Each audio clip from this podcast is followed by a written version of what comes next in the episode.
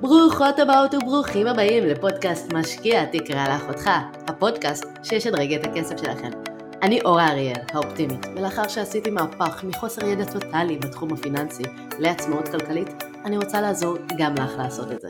אני רוצה להוקיר אותך על כך שהחלטת לקדם את עצמך כלכלית ולהאזין לפודקאסט שלי. ולכן אני מזמינה אותך ואותך להיכנס לחנות האופטימית ולהזין קוד קופון פודקאסט באנגלית ולקבל 25% הנחה על כל המוצרים הדיגיטליים באתר מתנה ממני.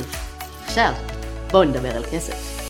היי, hey, את הפרק אני רוצה להתחיל בלשאול אותך שאלה. האם לדעתך יהיה ניתן לחיות מכספי הפנסיה? עכשיו כן, אני יודעת שיש כאלה שאומרים, הפנסיה זה, הונאת פונזי, זה אה, איזשהו טריק שלא יקרה. אני לא מסכימה עם זה.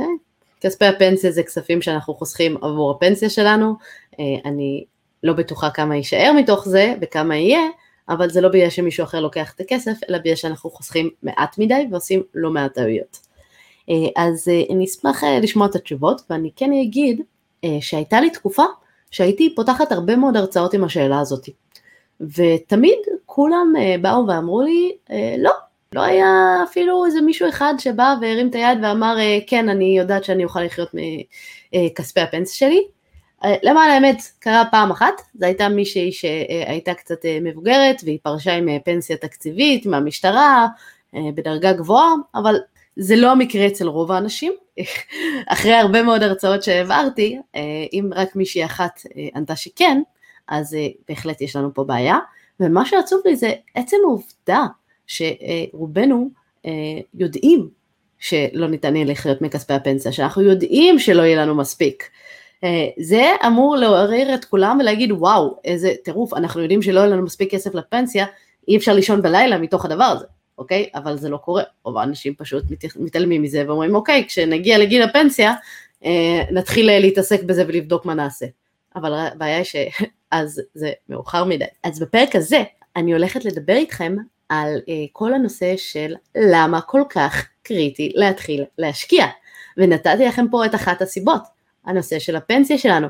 כולנו יודעות שלא יהיה לנו מספיק.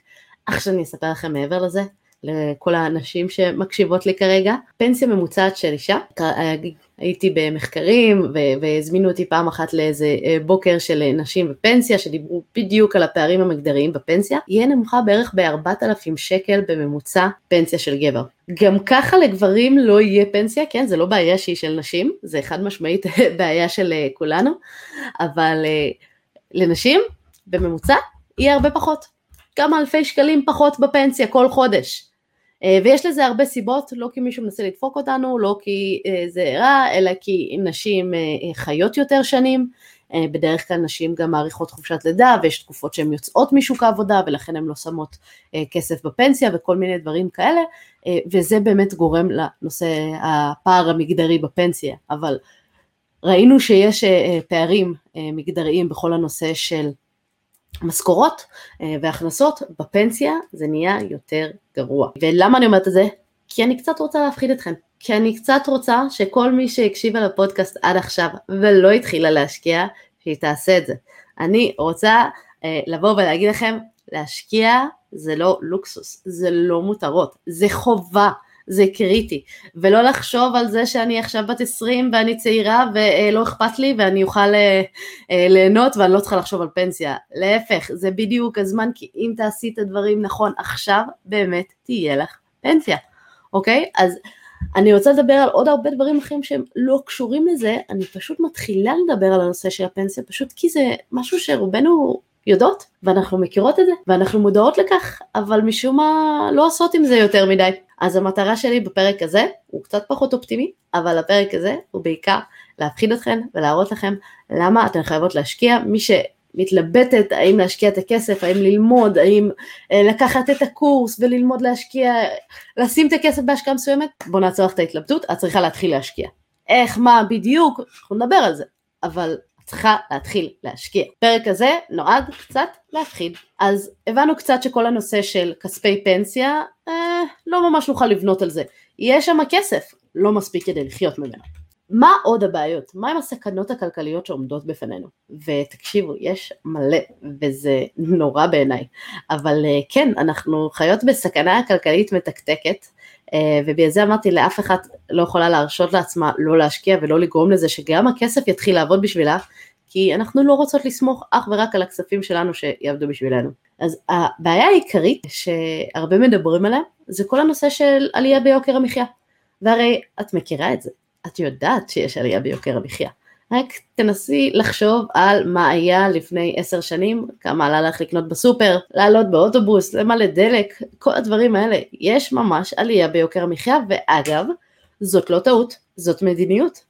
אוקיי? אפשר להיכנס לאתר של בנק ישראל ולראות שהם מכוונים לאינפלציה, שאינפלציה זה מילה אחרת לעלייה ביוקר מחיה, של בין אחוז לשלושה אחוזים כל שנה. זה המצב הרצוי, זה מה שבנק ישראל מכוון אליו וזה מה שהוא מנסה להשיג. אוקיי? כל מיני פעוליות שלא ניכנס לזה, זה לא קורס לכלכלה, אבל זו המטרה של אה, אה, בנק אה, ישראל, וכשאנחנו יודעות, מצפים לכך שתהיה עלייה ביוקר המחיה של בין אחוז לשלושה אחוז לשנה, והגוף הממשלתי שאחראי לזה ינסה לעשות את מה שהוא יכול כדי שזאת תהיה עלייה, אני יודעת שאם עכשיו השארתי את הכסף שלי, מה שנקרא, מתחת למזרון, ואחרי עשר שנים לקחתי אותו, אני אוכל לקנות פחות עם הכסף הזה, השווי שלו יישחק. שטר של 100 שקל יהיה שווה אותו הדבר, אני אוכל כנראה להשתמש בו עוד עשר שנים באותו שטר, אם לא כולנו נעבור לקריפטו או משהו כזה, אבל שטר של 100 שקל, אני אוכל לקנות ממנו, אה, הסכום יהיה אותו סכום, אבל השווי הריאלי שלו, זאת אומרת מה שאני בפועל אוכל לקנות איתו, זה פחות. ורק תחשבו על מה יכולנו לקנות עם 100 שקל לפני 10 שנים, ומה אנחנו יכולות לקנות עם 100 שקל עכשיו. המחירים עולים, לא טעות, מדיניות.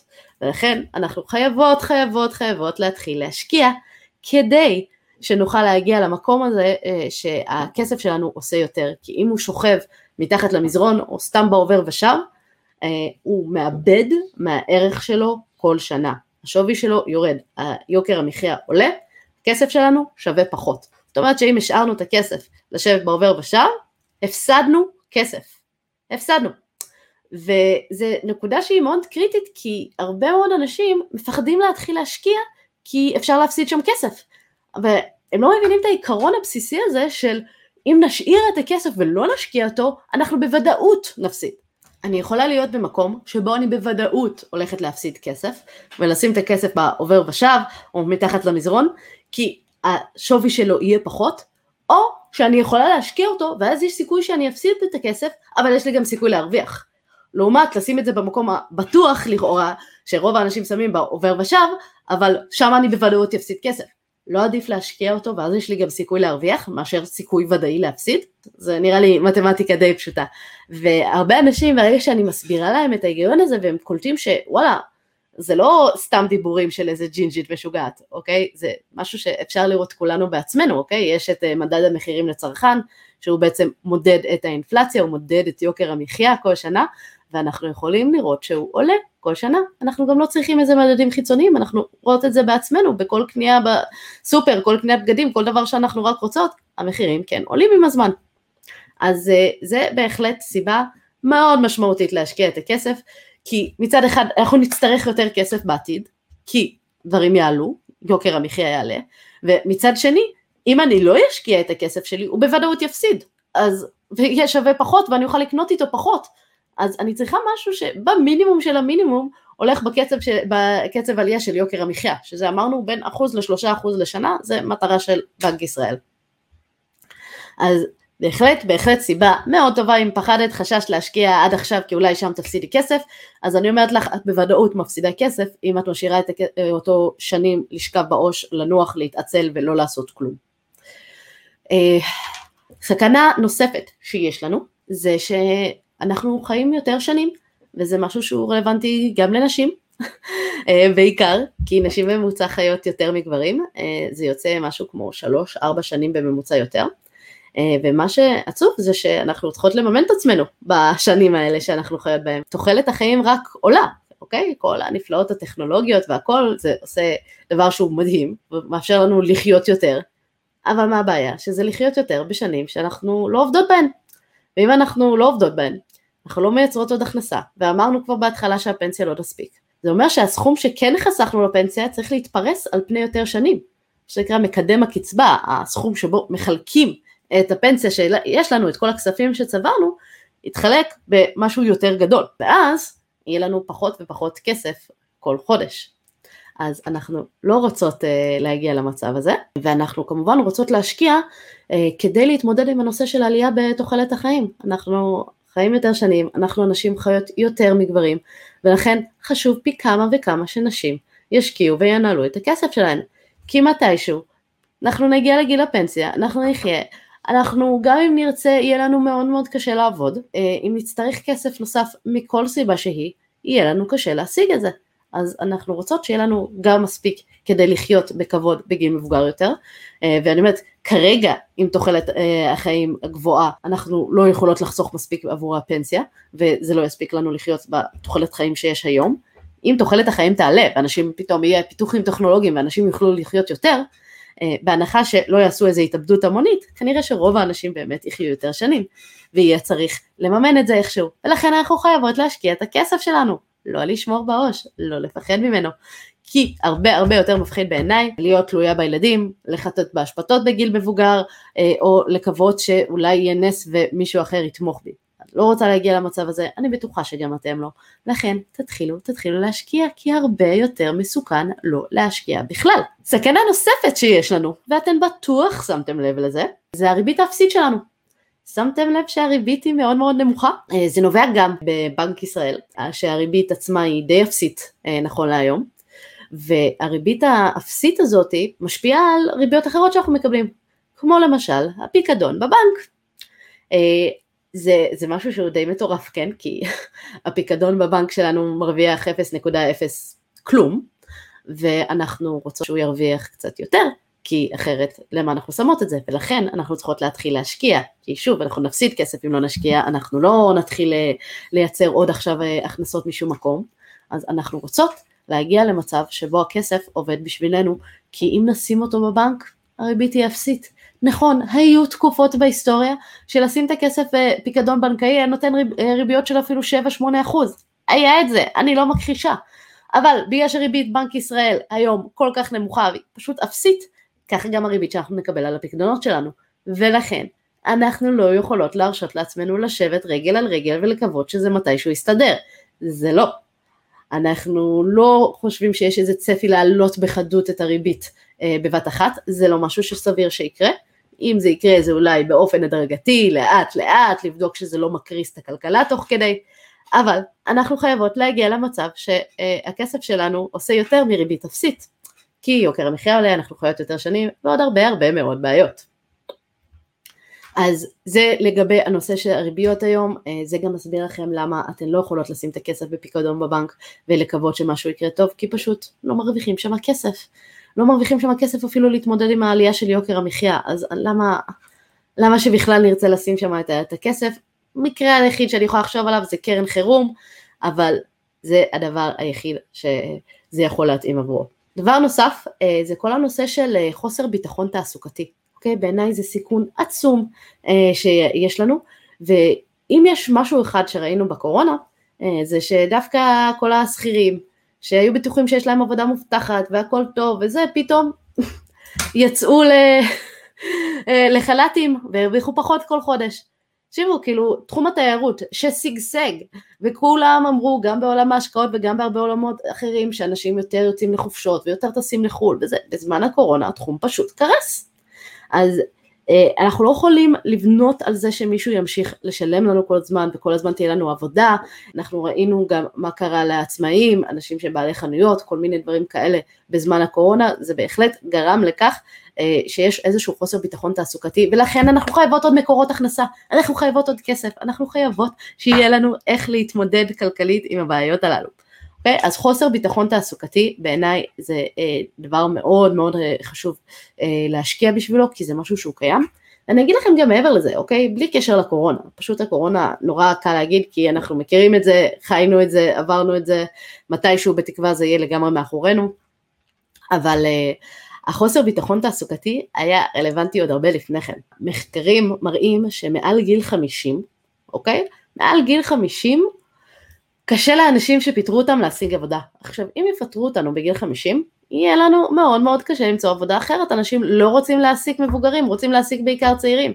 שזה אידיוטי לגמרי, כן? בואו תעסיקו את החבר'ה עם ניסיון שאין להם ילדים קטנים ויכולים אה, להיות הרבה יותר זמינים לעבודה. לא, הם רוצים את הבני 20-30. חוסר היגיון טוטאלי, אבל מבחינת ביטחון תעסוקתי זה יוצר לנו בעיה מאוד מאוד גדולה. אוקיי? אנשים יותר קשה להם למצוא עבודה, ואם חלילה עבדתם במקום עבודה והוא נסגר, אה, או שהגיע בוס חדש ופיטר אתכם כי הוא מניאק, או לא יודעת מה קרה. בגיל מבוגר זה יכול להיות משהו מאוד מאוד בעייתי, אה, באמת הנתונים מראים שאנשים אה, בגילאי 50 ומעלה יותר קשה להם למצוא עבודה, לוקח להם יותר זמן, הרבה פעמים פשוט גם מפסיקים לחפש, או שפתאום פותחים איזה עסק צדדי או דברים כאלה, אבל אנחנו לא יכולים לבנות על זה שיהיה לנו אה, כל כך קל למצוא עבודה בגיל מבוגר, בזמן שאנחנו, אה, כמו שזה קל לנו עכשיו שאנחנו צעירים ויפים. בכלל, כאילו המדינה לא בהכרח עוזרת, יש כל מיני תוכניות להסבה מקצועית וכאלה, אבל זה לא, לא באמת מה שיעזור. אה, ואנחנו צריכות שיהיה לנו עוד כסף שיעבוד בשבילנו, שאנחנו לא נהיה תלויות אך ורק בעבודה שלנו. כי אם חלילה קורה לנו משהו באזורי גילאי 50, יהיה קשה מאוד למצוא עבודה אחרת, ואני מזכירה לכם שאנחנו יוצאים אה, לפנסיה בגילאי 60 ומעלה, כן? גיל שונה אצל גברים ואצל נשים, וזה גם אה, כנראה יעלה, וזה גם גיל שהוא מוקדם מדי, אבל בגילאי 50 כבר קשה למצוא עבודה. ואם הגעתי למצב כזה, פיטרו אותי, עזבתי את העבודה, לא יודעת מה, אני מתה לעוף או דברים כאלה, ואני, יצא לי לראות אה, הרבה חבר'ה שלצערי יותר מבוגרים, שיש להם עוד כמה שנים לפרישה, או דברים כאלה שרוצים לעבור לעבודה אחרת, לא טוב להם בעבודה שלהם, החליפו את ההנהלה, שינו תנאים, כל מיני דברים כאלה, והם מתים מפחד לעזוב, מתים מפחד להחליף עבודה, למה? כי יודעים שיהיה להם קשה למצוא עבודה אחרת, ואתם לא רוצים למצוא את עצמכם במצב הזה, שאת השנים אתם הולכים לעבודה שלא רוצים, עושים את זה במשך עוד שנים ועוד שנים ועוד שנים, עד שאתם מגיעים לפנסיה, רק כדי שאז תוכלו סוף סוף לנוח, וזה לא המקום. אנחנו לא רוצות להיות שם, אנחנו רוצות שיהיה לנו כסף שיעבוד גם יחד איתנו, לצידנו, יעבוד בשבילנו ובסופו של דבר יוכל להחליף אותנו. ושאנחנו נוכל באיזשהו שלב אה, לעזוב את מקום העבודה ולהמשיך לעבוד אך ורק כי זה מה שאנחנו רוצות וזה מה שבחרנו. אה, ואם לא טוב לנו אנחנו יכולות תמיד לקום וללכת. אה, וזה אחת הבעייתיות הכי גדולות מבחינתי בחוסר ביטחון תעסוקתי, וזה משהו שהשקעות יכול לפתור, זה משהו שהשקעות פתר לי. אני הלכתי במשך שנים לעבודה בהייטק שלא אהבתי. נכון, היה לי טוב, היה לי צוות טוב, היה תנאים טובים, הכל היה אחלה, אבל אני הרגשתי אומללה בפנים כי לא עשיתי את מה שאני אוהבת. היה חסר לי את זה.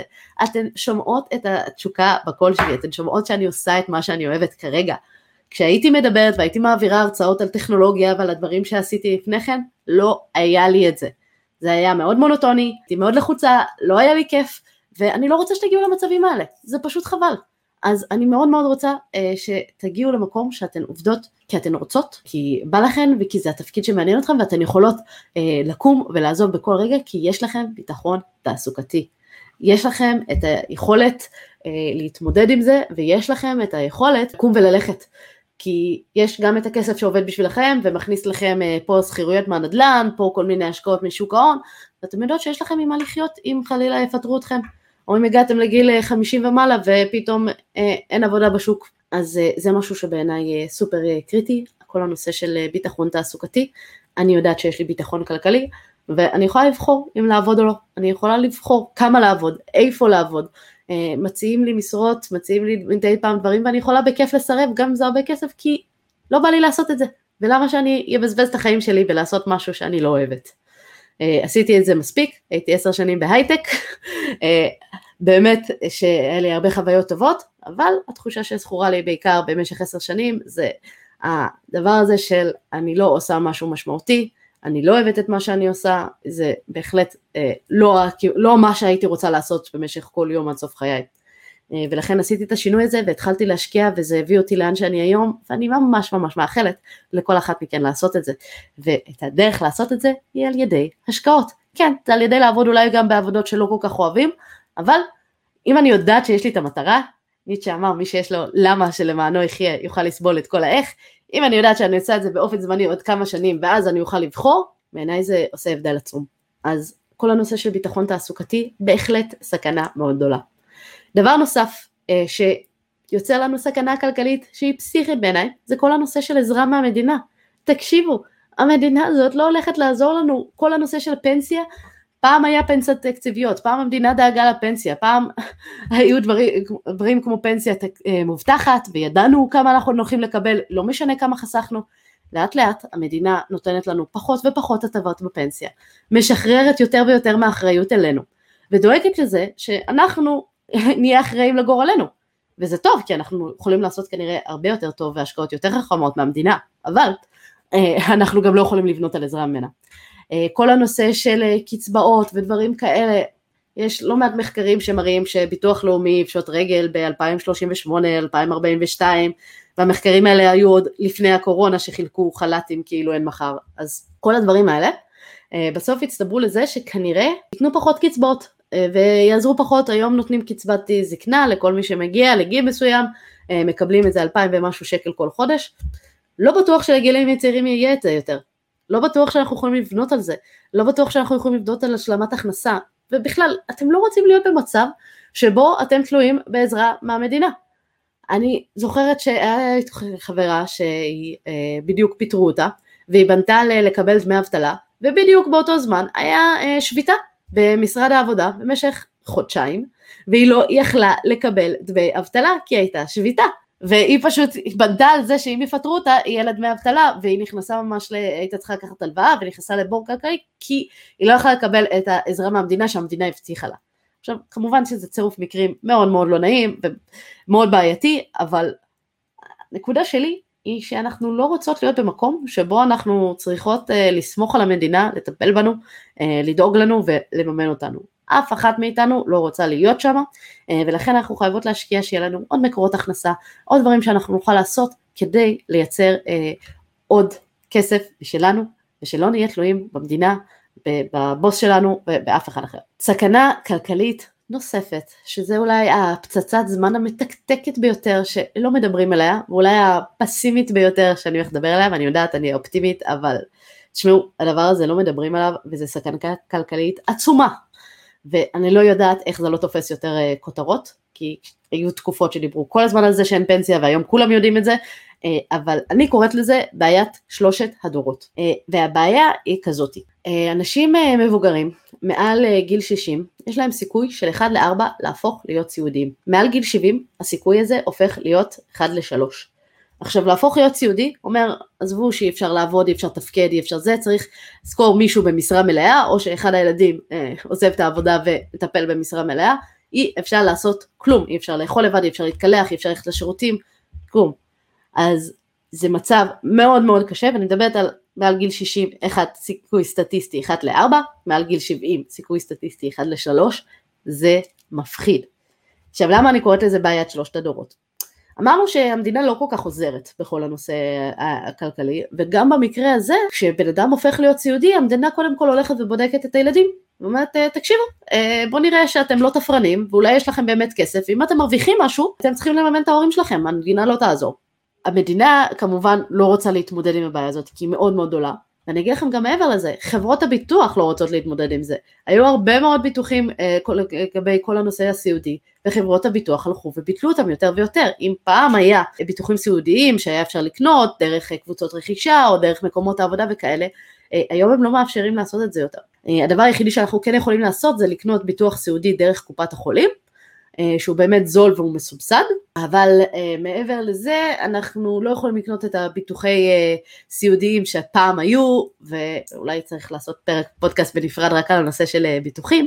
בעיניי מאוד מאוד חשוב להבין שיש הרבה מאוד עלויות שכלולות בכל הנושא של טיפול באדם סיעודי. והעלויות האלה בדרך כלל יפלו על הילדים. הילדים האלה הם בדרך כלל כבר אנשים מבוגרים, כן? כשאנשים מגיעים ל-60-70 הילדים שלהם יהיו באזור ה-30, 40, אה, והם ככה באמצע חייהם, ורוב הסיכויים שכבר יש להם גם ילדים משלהם. ויוצא מצב שזוג צעיר, באמת אתם יודעים שיקר לחיות במדינת ישראל, זו לא המדינה הכי זולה שיש, היא דווקא אחת מהיקרות בעולם, אה, ויוקר המחיה די גבוה, וזוג צעיר שצריך אה, לחיות ולממן את עצמו ואת הילדים שלו, מצא את עצמו פתאום גם צריך לממן את ההורים, כשקשה לחיות פה רק זוג צעיר לבד ולממן דור אחד, הם פתאום צריכים לממן שלוש דורות, וזה, אני אומרת לכם, זה פצצת זמן מתקתקת, וזה משהו שיקרה יותר ויותר, ואני בטוחה שאתם כבר, פתאום עולה לכם לראש אנשים שאתם מכירים, שהם פתאום צריכים לטפל בהורים אה, אה, מתבגרים, ושהם צריכים לממן אותם, ולטפל סיעודים, או לשלוח אותם לאיזשהו מוסד, או משהו כזה, זה בעיה מאוד מאוד קשה. צריך למצוא לזה איזשהו פתרון כלכלי, והפתרון הכלכלי שאני יכולה להגיד לכם, זה תתחילו להשקיע את הכסף, שיהיה לכם עוד, כי מתישהו יש סיכוי, לא רע, אה, שבזמן שיש לכם ילדים שלכם ויש לכם לא מעט הוצאות, כנראה שתצטרכו גם לממן את אחד מההורים שלכם. שוב, תחשבו, זוג צעיר, אה, כל אחד ממנו יש אה, שני הורים, אמרנו סיכוי מעל גיל 61 ל-4, מעל גיל 71 ל-3, סטטיסטית יש סיכוי שאחד מהם יהפוך להיות סיעודי, זה מצב שיכול להימשך הרבה מאוד שנים, יש אנשים שחיים גם עשר שנים ככה, אה, וזה פשוט המון עלויות, זה, זה משהו שיכול לרושש ולרוקק כלכלית משפחות, אה, ואנחנו חייבים להכין את עצמנו למצב כזה ולדאוג שיהיה לנו כסף או יכולת להתמודד עם זה איכשהו, להשקיע את הכספים שלנו, לנהל את הכספים של ההורים כמו שצריך ולוודא שאנחנו לא מחסלים את כל הכסף של כולם אה, רק כדי לטפל בהורים, ששוב, דבר מאוד חשוב, צריך, אני לא אומרת לא לטפל בהורים, אני אומרת להכין את עצמנו כלכלית לדבר הזה. כל הדברים האלה באמת מייצרים לנו מצב שאומר חייבים חייבים להתחיל להשקיע כי אנחנו בסכנה כלכלית. יש עלייה ביוקר המחיה, אנחנו חיים יותר שנים, הריבית היום אפסית, אין ביטחון תעסוקתי, המדינה לא תעזור לנו, וכנראה שנגיע למצב שנצטרך לממן שלושה דורות בו זמנית. אז באמת, זה אחת הסכנות הכי הכי כלכליות גדולות שיש, ואנחנו חייבות להכין את עצמנו לכך. להשקיע זה לא מותרות, זה לא לוקסוס, זה לא משהו שאני אומרת אוקיי אולי כדאי לי לעשות, אני חייבת לעשות את זה, אני חייבת להשקיע, כי אם אני לא עושה את זה אני כבר נמצאת בסכנה כלכלית. חשבתם שלא להשקיע זה מסוכן, חשבתם שהשקעות זה עולם מסוכן, הכסף אה, יכול לרדת, אפשר להפסיד, אני חושבת שאחרי כל זה די שכנעתי אתכם שלא להשקיע בכלל. לא לנהל את הכסף שלי, לא להיות מודעת לזה שהכסף שלי צריך לעבוד בעצמו ולצבור לי ריבית דריבית ולעבוד יחד איתי כדי לצמצם לי סיכונים, זה הרבה הרבה פחות מסוכן מאשר לשבת עם הכסף בעובר ושב או לא לחסוך בכלל ולקוות שיהיה בסדר, אוקיי? לא להשקיע בכלל זה מאוד מאוד מסוכן. עכשיו כל הדברים האלה זה רק הסכנות הכלכליות שלנו, אני אפילו לא דיברתי על החלומות, על העתיד שלנו, על הדברים שאנחנו רוצות להגיע אליהם, על, על זה שאנחנו רוצות לקנות את בית החלומות שלנו, על זה שאנחנו רוצות אה, אה, אה, לקחת, אה, לקנות דברים לילדים, שאנחנו רוצות לטוס לחו"ל, לטייל, לא דיברתי על חלומות, לא דיברתי על זה, דיברתי רק על ה basic, על זה שיהיה לי ממה לחיות. ולצערי הרב, עוד לפני שעשינו את כל החלומות האלה, כן, אומרים שבני האדם מונעים, יש הנעה לכאב, אה, להימנע מכאב, והנעה לטובת אה, עונג, כי אנחנו רוצים למקסם את העונג שלנו ולעשות אה, את המינימום כאב שאנחנו יכולים להגיע אליו. ומה שיותר אפקטיבי באמת זה להימנע מכאב. אני לכן מסבירה לכם את כל הכאבים שיכולים להיות אם לא תשקיעו. וזה לא משהו שאולי אמורפי ודאי וזה, אני די בטוחה שכולכם הסכמתם אותי בתחילת הפרק, ש... כנראה שלא יהיה אפשר לחיות מכספי הפנסיה. זה לא איזה משהו שהמצאתי, זה לא משהו שנפלתי עליו, אוקיי? ובלי קשר לזה, יש את כמובן כל הסכנות האחרות שדיברתי עליהן. לכן, קריטי להתחיל להשקיע, מסוכן יותר לא לעשות את זה. ואם את חושבת שלהשקיע זה מסוכן, הרבה הרבה יותר מסוכן, לא להשקיע את הכסף שלך בכלל, אוקיי? אז אני מקווה שהפחדתי אתכם מספיק, אוקיי? אה, ובואו נדבר קצת על מה אפשר לעשות, אוקיי? כי הבנו שחיסכון בבנק נשמע מאוד סולידי, מאוד אה, אה, בטוח, כולם חושבים שהמקום הכי בטוח זה בבנק, לאורך זמן, במיוחד אנחנו מדברים לטווח הארוך, הרבה הרבה יותר מסוכן אה, לשים את הכסף בחיסכון בבנק מאשר בהשקעות. אני אגיד לכם גם מעבר לזה, כל מי שאימא ויש לה ילדים, כנראה שנתקלה בנושא הזה של חיסכון לכל ילד. וראיתם שאפשר בבנק לשים בריבית גבוהה של 4% וזה בנק וזה בטוח וזה ריבית גבוהה, או שאפשר לשים את זה באיזשהו בית השקעות, ואז לבחור מסלול. הנתונים מראים כמה שנים אחרי שהתחילו את הנושא הזה של חיסכון לכל ילד, דווקא ההורים שיש להם איזשהו חינוך כלכלי ושמו את הכסף במסלול מנייתי בקופת גמל או באיזשהו בית השקעות ולא בבנק, הרוויחו משמעותית יותר, יש להם היום כבר כמעט פי שתיים מההורים שבחרו לשים את זה עם 4% חיסכון בבנק. וזה ילדים שפשוט יהיה להם יותר להתחיל את החיים שלהם. למה? כי לא עושים חינוך פיננסי בארץ, לא מלמדים אותנו, וכולם חושבים שהכי הכי סולידי, הכי הכי בטוח, לשים את הכסף בחיסכון בבנק. זה לא נכון. לטווח הארוך זה פשוט שקר, זה הכסף שלנו לא ירוויח, הריבית שלנו אה, היום אפסית, יוקר המחיה עולה, השווי שמה יישחק. ובעולם ההשקעות אנחנו יכולים להרוויח הרבה יותר לאורך זמן, אה, זה, זה משהו ש, שיחזור על עצמו הרבה, ולכן אם אנחנו רוצות לעשות דברים כמו ילד שעכשיו נולד, אה, לעשות לו איזשהו חיסכון, כן, לכו על סיכון יותר גבוה בשוק ההון, שימו אותם במסלול מנייתי, למה לא?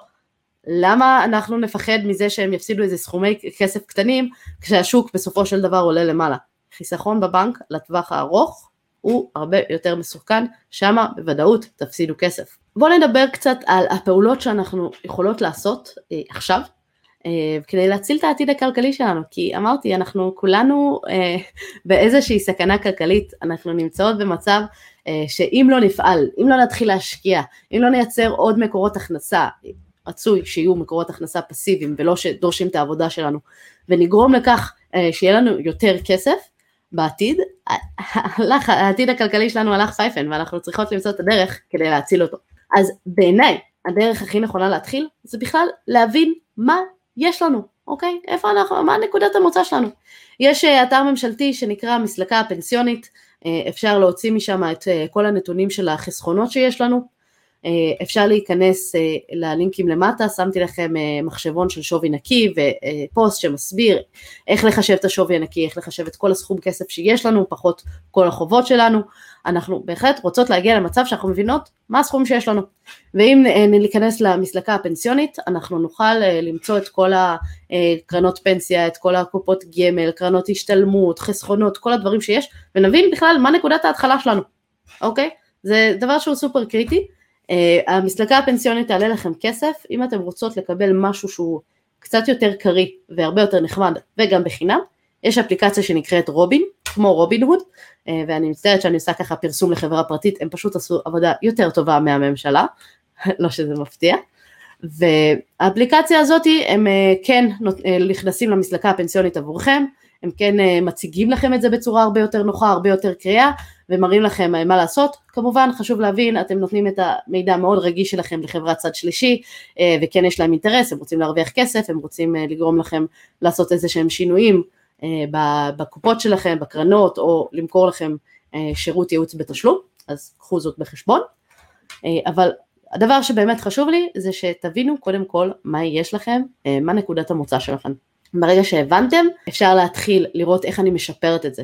והדרך שהיא ישפר, ואני אדבר ככה על העקרונות של הפנסיה, אבל זה נכון אה, לכמעט כל חיסכון אחר ארוך טווח, אה, זה דבר ראשון להוזיל עלויות, אוקיי? יש אה, הרבה מאוד דרכים אה, להתמקח על כל הנושא של הדמי ניהול, ואפשר להוריד אותם, צריך לבדוק, ברגע שהסתכלתי במסלקה הפנסיונית אני יכולה לדעת גם כמה דמי ניהול אני משלמת, ואז אני יכולה אה, להוריד אותם. אה, כמובן אה, אני. לא ממליצה לעשות איזה שהם שינויים מרחיקי לכת אה, בפנסיה שלכם, למעט הורדת דמי הניהול, להתמקח, לאיים שתעזבו, כל הדברים האלה, אם אתם יכולות להוריד, מדהים, אם לא, אל תעשו שינויים בלי להתייעץ עם אנשי מקצוע, באמת, יש אנשים שיש להם קופות ותיקות עם תנאים מעולים, לא בטוח שכדאי לעזוב, גם כל הנושא הזה כולל עוד הרבה דברים שצריך לקחת בחשבון, לכן מאוד ממליצה להתייעץ עם אנשי מקצוע, אבל אה, יש למשל קופות אה, פנסיה ברירת מחדל, אה, שיש להם דמי ניהול מוזלים שכולנו זכאים אליהם גם בלי להתמקח.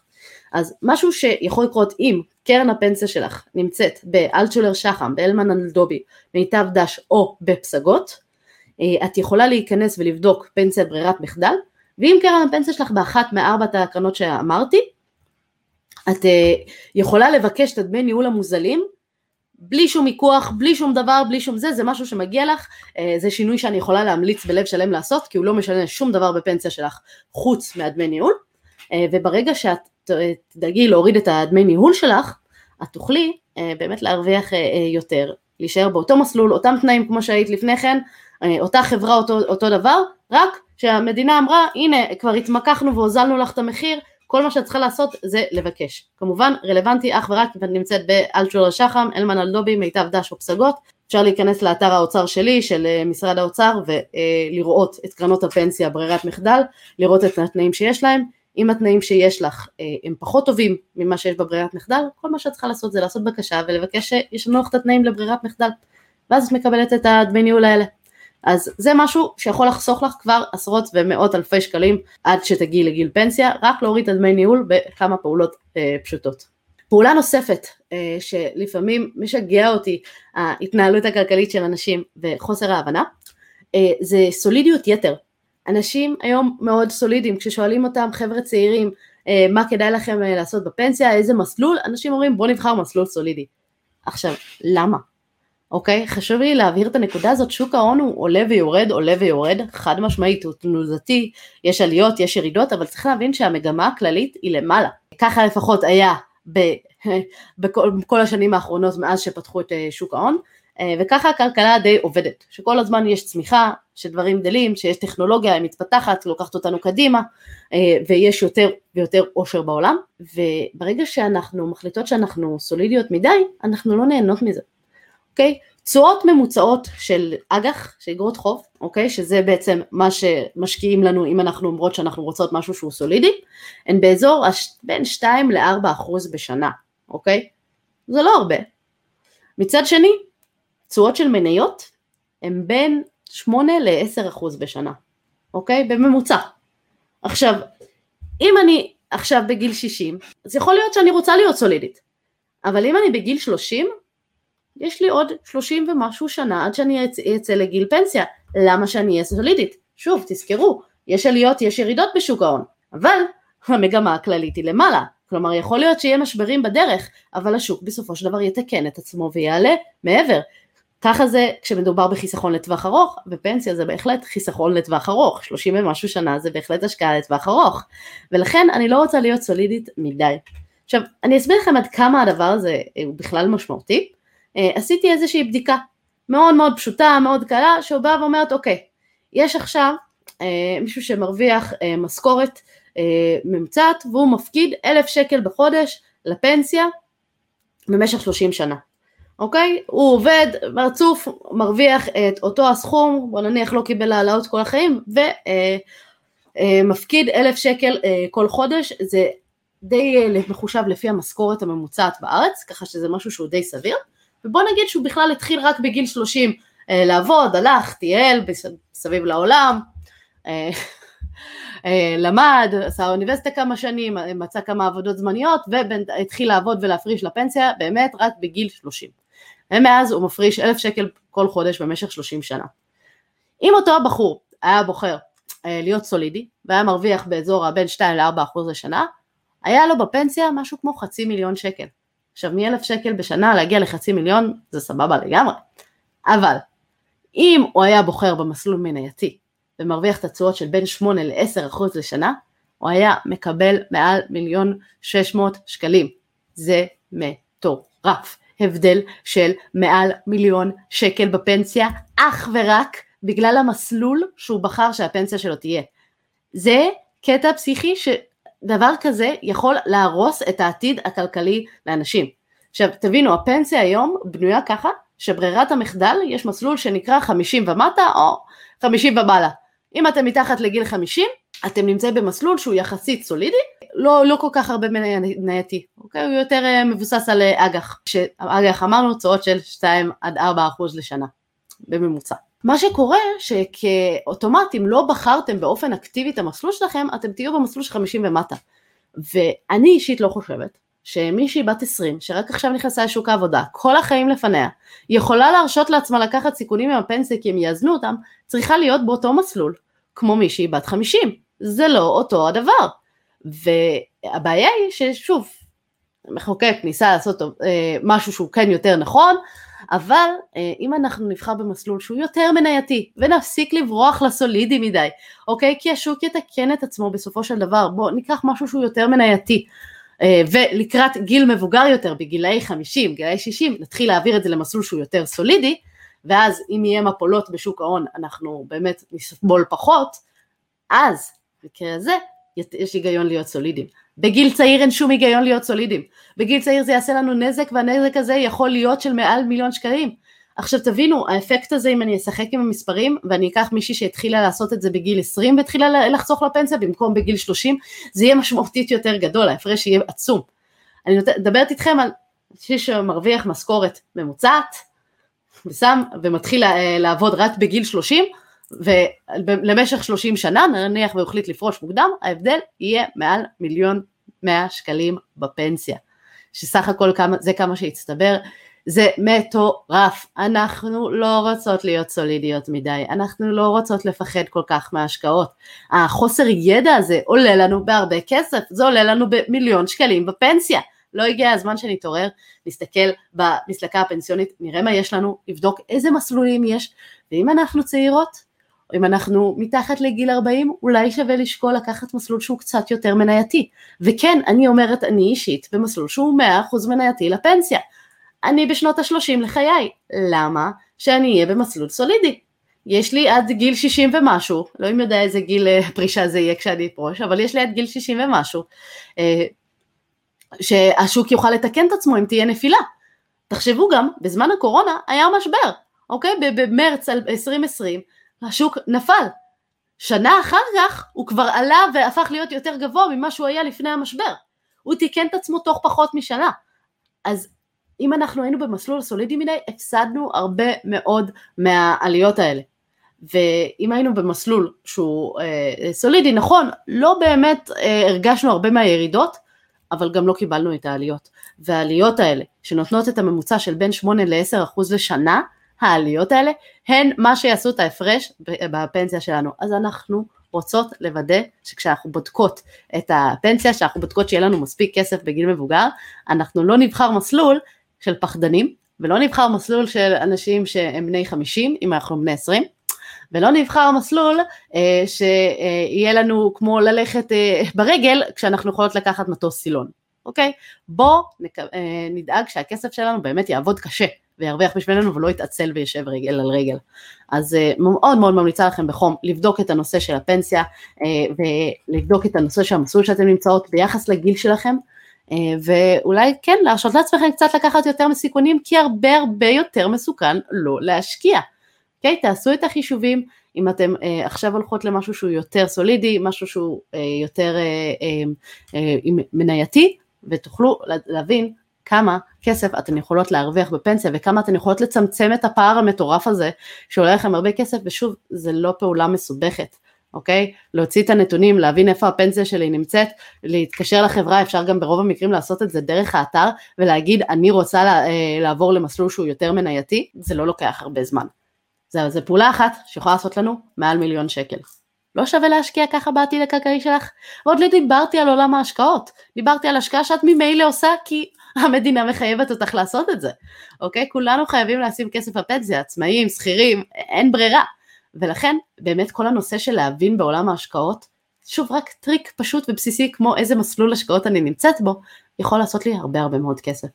אז אני מאוד מאוד מקווה ששכנעתי אותך שאת חייבת ללמוד יותר ולהשקיע יותר. אני, אני לא יודעת איזה עוד דברים אני צריכה לעשות כדי לגרום לאנשים להבין שהעתיד הכלכלי נמצא בסכנה.